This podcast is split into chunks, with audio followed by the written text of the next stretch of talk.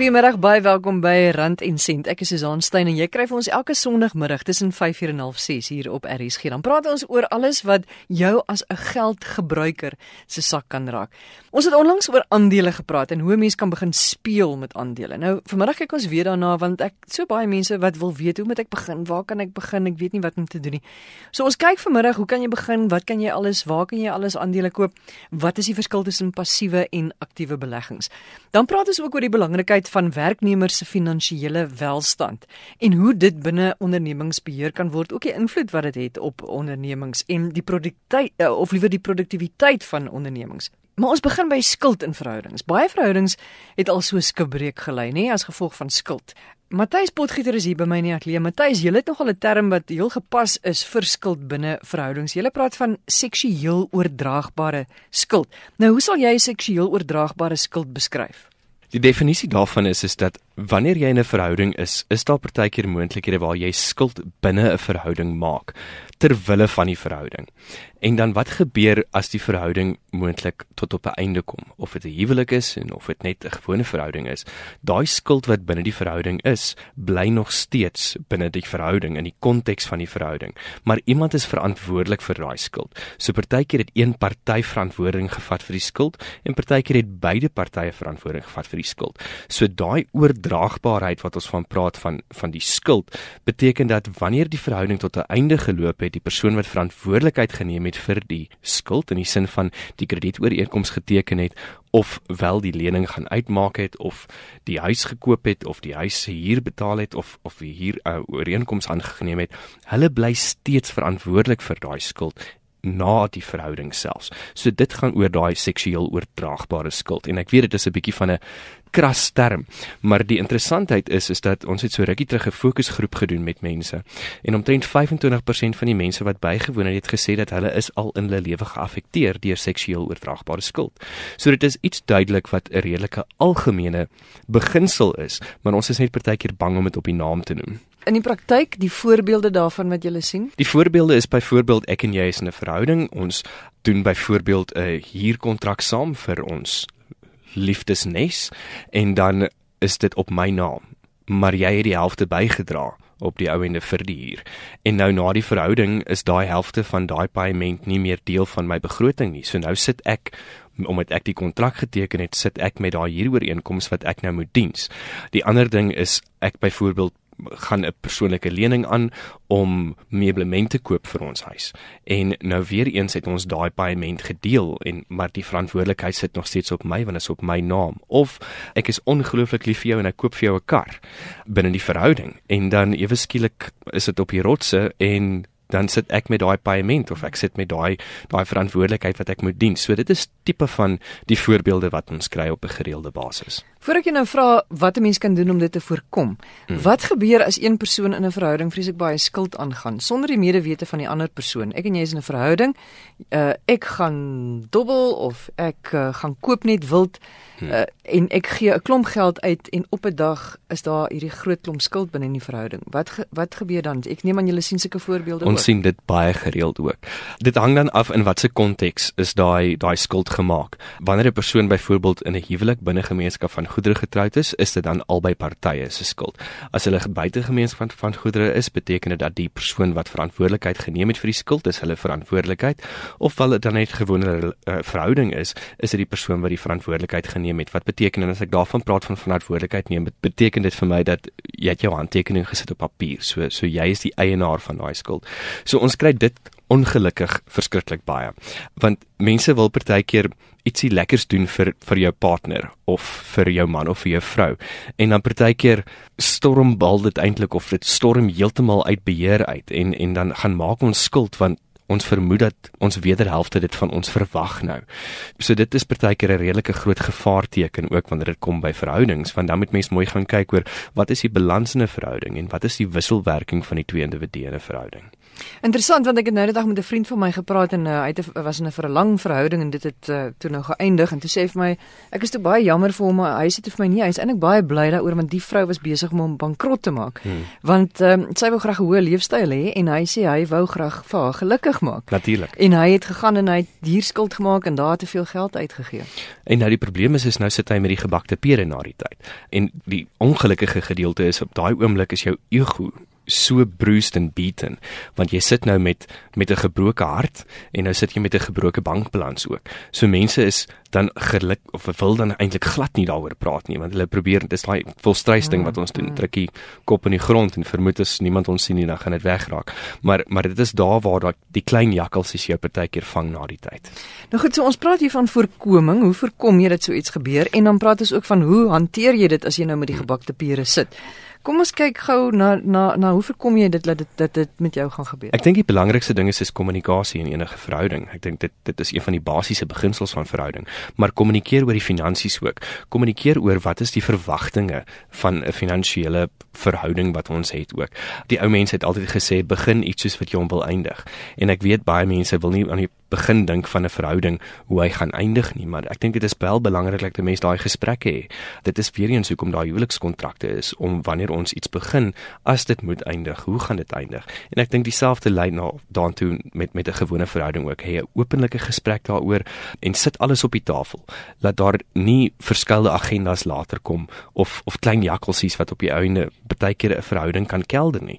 Navorsing bewys dat omtrent 30% van fights binne 'n verhouding verhouding is as gevolg van finansies. So dit is nogal 'n redelike drukpunt. My ouma het altyd gesê as geld by die voordeur uitloop, loop liefde by die agterdeur ja, uit. Ja. En dit is ongelukkig partykeer deel van die situasie. So ek dink kommunikasie wanneer dit kom by verwagtinge is die belangrik is is die belangrikste. En dan waarskynlik nou nog maar eerlikheid ook, nee. Jy moet jy moet nou maar ongelukkig vir daai ou of daai meisie sê, hoorie, ek kan nie hierdie leefstyl bekostig nie. Ek ek dink dit is die belangrikste want die ander ding is is wat jy doen is, is jy spaar jou hart en jy spaar jou bankrekening. Mm. So as as die verwagtinge is van die persoon om daai leefstyl te lei en jy kan dit nie bekostig nie, dan is dit maar beter om rather call it quits. Dikwels ehm um, is dit ook so dat dat dat jy dink jy moet die hele tyd gee en die ander persoon ontvang nou maar, maar hy of sy wil dit nie noodwendig hê nie. Hulle is nie eens bewus van die feit dat jy dalk swaar kry of of skuld het nie. En, en ek dink weer eens dit kom neer op daai daai konsep van kommunikasie. Wees eerlik, praat eerlik met mekaar en pak die ding by die horings en praat daaroor. Maar wat doen jy nou as jy dan nou saam woon saam met iemand en julle uh, moet saam 'n plek hier of wil saam 'n plek hier of julle besluit julle het 'n plek saam gekoop en julle gaan die plek saam regmaak. Hoe moet jy dit hanteer? Moet een persoon liewer die skuld uitneem of moet albei dit aangaan? Hoe moet mense doen? Ek dink dit hang af van die situasie en dit hang af weer eens hoe daai organiese proses van daai twee persone in die verhouding lyk.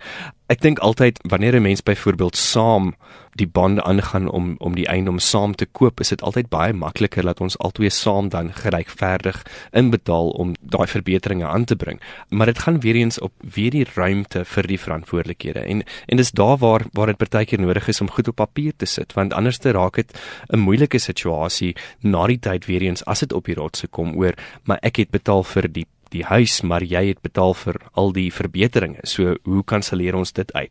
So ek dink mens mens moet net eerlik wees oor dit. Okay, jy het 'n paar punte of keuses wat 'n mens het as jy in so 'n situasie is. Kan jy dit net vinnig vir ons gee? Die eerste ding is is dat jy moet besef dit is verby nou.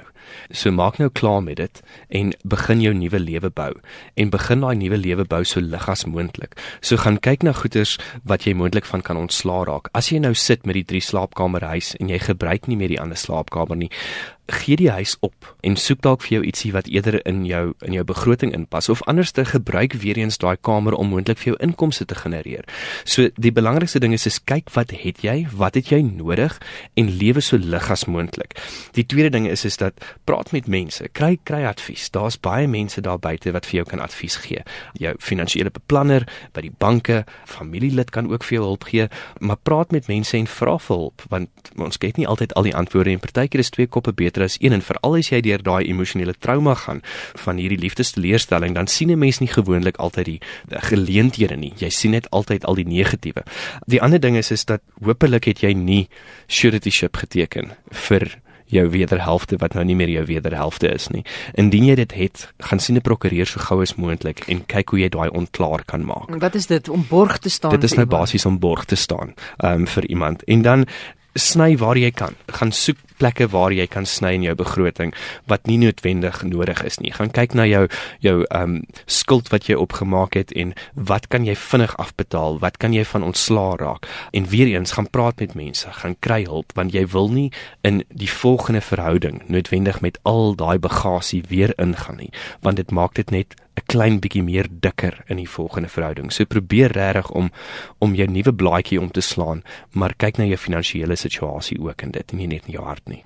En Matthys, ek dink 'n laaste ding ook is as jy in die skuld is, as jy besef hier is ek nou in die moeilikheid, want dit is 'n bietjie soos dryfsand, hè. Jy as jy eers daar in is, dan kan jy nie altyd daar uitkom nie dat jy iemand gaan sien, dat jy oopmaak teenoor iemand en iemand kry om mee te praat wat jou kan help. Dit is 'n belangrike ding en dit is 'n groot ding van trots daai. Mense wil nie noodwendig voel asof hulle gefaal het finansiëel nie of voel as hulle gefaal het as 'n mens nie, maar maar daar's niks fout daarmee om om vir hulp te gaan soek nie en dit is daar waar iets so skuldberading dan 'n baie gemaklike opsie is veral as daar bates is wat moontlik in die gedrang is soos byvoorbeeld 'n huis en 'n kar. Want onder skuldberading is daai bates veilig en verseker vir die periode van tyd. Niemand kan dit wegneem van jou af nie. Terwyl jy jou skuld stadig maar seker afbetaal in 'n periode van tyd wat vir jou gemaklik is wat nog steeds vir jou genoeg kontantvloei los dat jy jou basiese benodighede maandeliks kan delg. En die belangrike ding, mense dink altyd jy is die enigste een. Jy is alleen in hierdie hmm. ding. Die belangrikste ding jy is jy is nie want ek en jy het jy al in 'n vorige gesprek gesê dikwels is dit daai ou wat langs jou woon wat die regtige mooi huis het en die regtige mooi ja. kar het, is hy in groter moeilikheid as jy. Ja. Matthys, hierdie is 'n baie belangrike gesprek en ek dink daar's meer mense wat in hierdie situasie sit as waarvan ons bewus is. So as jy dalk so iets beleef het of in so 'n krisis sit, asseblief laat ons weet. Ons sal anoniem daaroor praat. Uh, die e-posadres is susaan@rsg.co.za. Dis S U Z A A N @rsg.co.za. Matthys, dankie. Altyd lekker om met jou te gesels. Matthys Potgieter, hy's 'n skuldkenner by DebtSafe. En nou gaan ons praat oor aandelebeleggings. Ons kyk na passiewe en aktiewe beleggings en ons praat ook oor finansiële welstand van werknemers en die groot invloed wat dit wat dit het op die maatskappy se welstand. Aan die woord Helena Konradi, sy Satrix se hoofuitvoerende beampte. Hulle is een van die grootste maatskappye wat passiewe beleggings bestuur, aandelebeleggings. En Helena, ons gaan nou kyk na wat presies is passiewe aandelebeleggings en hoe verskil dit van die aktiewe beleggings, maar jy het 'n belangrike boodskap wat jy graag vir mense heel eerstens wil gee. Ja, ek dink mense kan eintlik verdrink in al die terminologie en soos passief en aktief jy kan dit is baie interessant. Maar ek jy dit moet nie die belegger verwar nie. Jou belangrikste soort van dissipline is nog steeds spaar, spaar, spaar. En hoe vinniger jy begin, as jy vandag kan begin, as jy jou kinders vandag kan laat begin, dis die belangrikste. En dan ook dat jy in die aandelemark moet kom. Ehm um, en ek dink dis 'n baie belangrike aspek wat mens verder kan uitbrei ook. Hoekom is dit ook so belangrik om in die aandelemark te spaar? Almal het as kind die spaarvarkie geken en jy was verskriklik in verwondering as jy terugkom nadat jy 10 maande gespaar het en elke maand 'n uh, uh, R5 weggesit het, laat daar R50 is. So jy het gedink maar jou geld het gegroei. Dit het glad nie gegroei nie. So jy kan jou geld vat na 'n bank, dit gaan miskien vir jou rente gee, maar dit gaan nog nie die inflasie monster gaan dit nog nie teenwerk nie. En ek dink dis hoekom nou jy na iets soos 'n aandelemark toe gaan is dat jy inflasie kan teenwerk en jou jy gaan miskien bietjie meer uh, volatiliteit volatiliteit hê, so pryse gaan op en af. Ehm um, jy moet tyd hê om te belê, maar oor tyd gaan die van die gaan die uh, waarde van jou geld in reële terme groei en nie net ja met rente nie. Mense wat nie heeltemal so bekend is met aandele nie, maar wat belangstel in en graag daarin wil begin bespaar. Wat is die basiese beginsel van die aandelemark? Kyk as jy belê in enige aandeel of jy nou in Naspers belê, SIB of in um, Anglos, dan maak nie saak hoe klein jou bedrag is nie. Jy besit dan 'n stukkie van daai maatskappy. So jy besit 'n aandeel in die maatskappy. En die aandele maar die die Johannesburgse aandelebeurs. Hulle het interessante maniere om aandele saam te groepeer. So as jy byvoorbeeld in die aand na die radio luister en jy hoor maar die algehele indeks is op met 2%, dit beteken net hulle groepeer al die aandele saam om vir jou 'n indikasie te gee van wat het die totale mark gedoen. Ehm um, en ehm um, dit is dit is maar hoe groter die maatskappy is, hoe groter is sy gewig in daardie aandele indeks. Maar ja, jy besit 'n stukkie van die, jy kan so klein soos wat jy is as belegger, kan jy gaan belê in aandele en in die ekonomie van Suid-Afrika. Die belangrike ding is om die regte keuse te maak, nê, nee? die die regte keuse van in watter maatskappy gaan jy belê. So hoe leer 'n mens om die aandele te speel en om in die regte maatskappye te belê?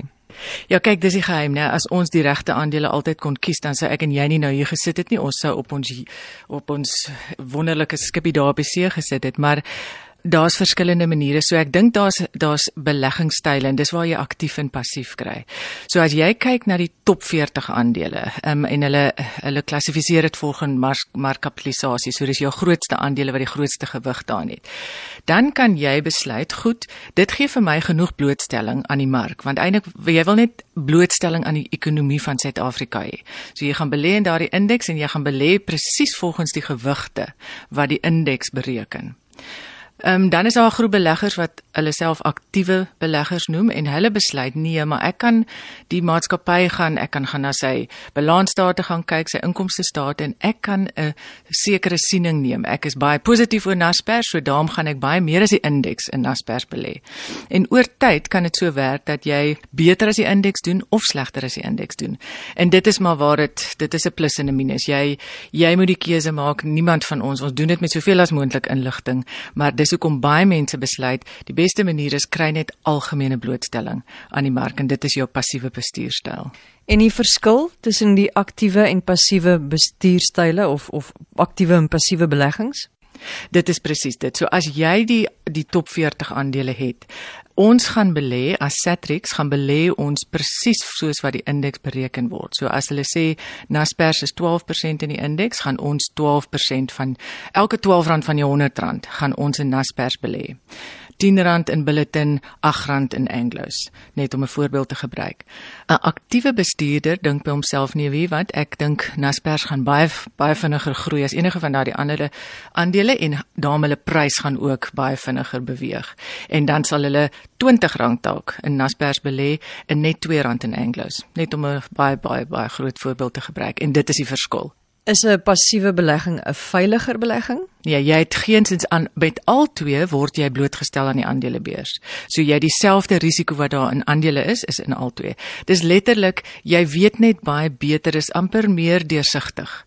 As jy die indeks as jy hoor die indeks is is op vandag met 2%, dan weet jy jou belegging het ook gegroei met 2%. Met 'n aktiewe bestuurder is amper 'n bietjie van 'n van 'n uh, ja, wat wat presies doen hy? Jy jy gaan saam met 'n spesifieke styl wat hy kies. Met 'n aandele indeks weet jy presies wat jy gaan kry. Hoe moet 'n mens nou weet hoe om tussen hierdie twee style te kies? Dis die moeilike een en ek dink dis 'n debat wat nou al vir jare, ek meen is een van die langslewende debatte in die beleggingsbedryf en wat mense ten minste nou besef is dat elk al al twee het meriete. So passief koop is jou fooie is baie laag. So omdat ons nie uitgaan en ons gaan besoek elke maatskappy in hierdie land nie, kan ons baie meer koste-effektief jou geld bestuur. So ons kan vir jou baie laer fooi vra, bestuursfooi. Jy gaan die indeks kry. Dit is wat jy amper gewaarborg word. As jy met 'n aktiewe bestuurder gaan en jy kies een van hulle fondse, gaan jy wat meer betaal in die hoop om beter te doen as die mark in die algemeen, maar jy weet nie. So dit is dit is jy laat dit oop. En eintlik het die geskiedenis mens wil nou nie syfers rondgooi nie want enige ou kan dit rondgooi maar die oor die afgelope 15 jaar daar is besonderse aktiewe bestuurders wat definitief talent het. Maar dan is in, in die algemeen kan um, die groot groep uitpresteer nie die indeks nie Maar dan voel dit tog na 'n veiliger belegging om passief te belê. Ja, nee, ek dink dit is dis jy gaan verseker oor tyd gaan jy saam met die ekonomie van Suid-Afrika groei, saam met die aandelebeurs. En ek dink dit bring ons terug na na die hoofboodskap. Kom net in die mark in. Nou kan ons besluit ja, gaan jy 1% beter doen, gaan jy gaan jy bietjie be meer betaal. Die belangrikste is om te spaar en so gou as moontlik in die mark in te kom. Helena baie dankie. Dit is Helena Gorari. Sy is Satrix se hoofuitvoerende beampte. Ons laaste gesprek met Jaco Forsie weer hier by my in die ateljee. Jaco is 'n dosent in finansiële bestuur aan die Val kampus van die Noordwes Universiteit. Hy is ook die medeskrywer van die boek Living Financially Carefree. Jaco, ons praat oor werknemers se finansiële welstand. Nou, hoekom is dit so belangrik om te weet as jy die eienaar is van 'n onderneming, om te weet wat jou werknemers se finansiële situasie is? Weet jy Susan, ek dink as ons na die magtom navorsing gaan kyk wat al hieroor gedoen is, um, internasionaal ongelukkig nog nie so baie in Suid-Afrika nie, dan wys dit vir ons een belangrike element uit en dit is dat die finansiële welstand van die werknemers 'n direkte invloed het op die prestasie van die werkgewer. So ek dink om daai rede is dit belangrik vir alle werkgewers om daarvan kennis te neem dat jy kan nie maar net sê maar dis hulle persoonlike saak, ek gaan dit ignoreer nie, want dit raak jou besigheid direk. Maar dit gaan nie noodwendig oor die salaris wat werknemers betaal word nie. Nee, nee, inteendeel, kyk, een van die maklikste maniere om mense se geldprobleme op te los is om hulle meer geld te betaal. Dis die die maklike, maar ook ongelukkig die kortstondige metode want dit is vir baie min besighede volhoubaar.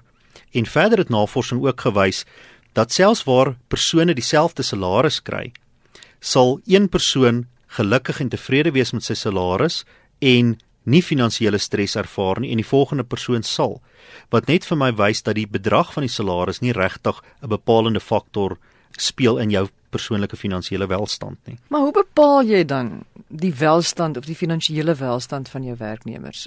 Daar's um, ek wil amper sê instrumente, vraelyste en goed en daar's instansies in Suid-Afrika wat sulke ontledings vir groot besighede kan doen. Maar as ons prakties kan raak met jou kleiner saak onderneming wat dalk nou nie 'n 20 of 'n 30000 rand het om vir so 'n oefening uit te haal nie. Sou ek sê die belangrikste is net om te weet dat as jy werknemers het, gaan daar definitief van hulle wees wat met een of ander finansiële probleem sukkel of een of ander finansiële uitdaging in hulle dag tot dag besaan het. Ek dink dit is 'n gegewe. En die oomblik as ons daardie besef aanvaar het, dan kan ons begin dink maar wat gaan ons daaromtrent doen. En baie mense gaan nie wil erken dat hulle met hierdie met hierdie uitdaging sit nie. So my my siening is dat mens moet in elk geval jou werknemers as 'n groep hanteer wat sekere uitdagings finansiëel gaan hê. Die navorsing wys vir ons dat keer op keer wanneer hierdie opnames gedoen is, hierdie vraelyste gedoen is, wys dit vir ons dat 50% van die mense nie kan uitkom met hulle salaris nie dat hulle sukkel met om hulle skuld te bestuur, dat hulle nie geld het vir onvoorsiene gebeure nie. Ek wil nou vir jou twee vrae vra. Die een is hoe wat hoe moet ons daai probleem hanteer? Maar net gou eers, wat gaan die simptome wees van jou werknemer wat vir jou gaan wys hier is probleme? Daar's heelwat. En ongelukkig 'n probleem met finansiële welstand of as jy finansiële probleme het 'n werknemer, dan het dit baie ander simptome want so 'n persoon ontwikkel wat ons noem finansiële stres. So dit gaan baie dieselfde lyk as as enige ander stressituasie, 'n persoon met persoonlike probleme by die huis. Hierdie tipe persone is gereeld afwesig van die werk. Ehm um, vra gereeld te middag af of 'n oggend af om iets persoonliks te gaan doen. Hulle spandeer baie tyd baie keer op die foon want hulle is besig met die prokureur met die skuldinvorderaars. Hulle word baie keer gekontak by die werk deur invorderaars en prokureurs van buite af. En ook die oomblik as jy sien maar ek het hierdie werknemer gehad wat nog altyd baie betroubaar was, stiptelik was. As jy vir hom werk gegee het, word dit op 'n baie hoë standaard gedoen en ewe skielik is daardie persoon se werk nie meer van dieselfde standaard nie. Want wanneer persone onder hierdie stres verkeer, dan voel hulle ook nie meer so verbonde teenoor die werkgewer nie en um, is hulle ook nie meer lus om hulle werk na die beste van hulle vermoë te doen nie. So wat doen jy dan? Wat is dan nou die oplossing? In die eerste plek as 'n besigheidseienaar is dit belangrik dat 'n mens vir werk ehm um, die vrymoedigheid gee om met jou te kan kom praat. Om te kan sê as daardie enkel persoon wat wat regtig 'n probleem het, daar's instansies wat ek wil amper sê beraders ensovoorts vir hulle werknemers beskikbaar stel wat op 'n anonieme basis met hulle kan gesels.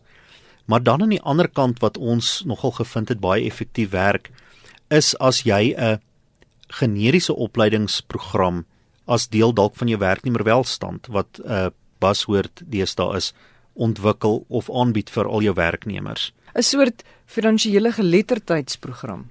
Absoluut.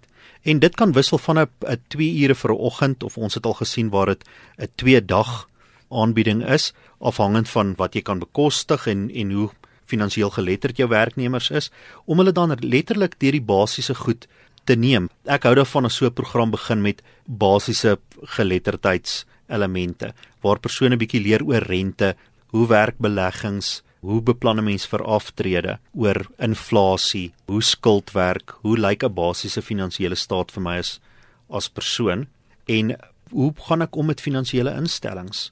Wat is belangrik as ek met 'n bank sake doen, as ek met versekeraars sake doen, as ek beleggings maak want ons sien gereeld kommentaar oor die hoë kostes van beleggings en en adviseurs en so aan. En dan, hoe gaan ek te werk as ek as ek 'n eiendom moet koop? Ek het nie geweet toe ek die eerste keer 'n huis gekoop het waarna moet 'n mens gaan kyk hoe werk die proses nie. Hoe spaar ek? Waarvoor moet ek spaar? Hoe gaan ek te werk as ek wil begin vir my 'n belegging opbou? Hoe doen ek 'n finansiële beplanning vir my aftrede? Wat moet ek alles in ag neem?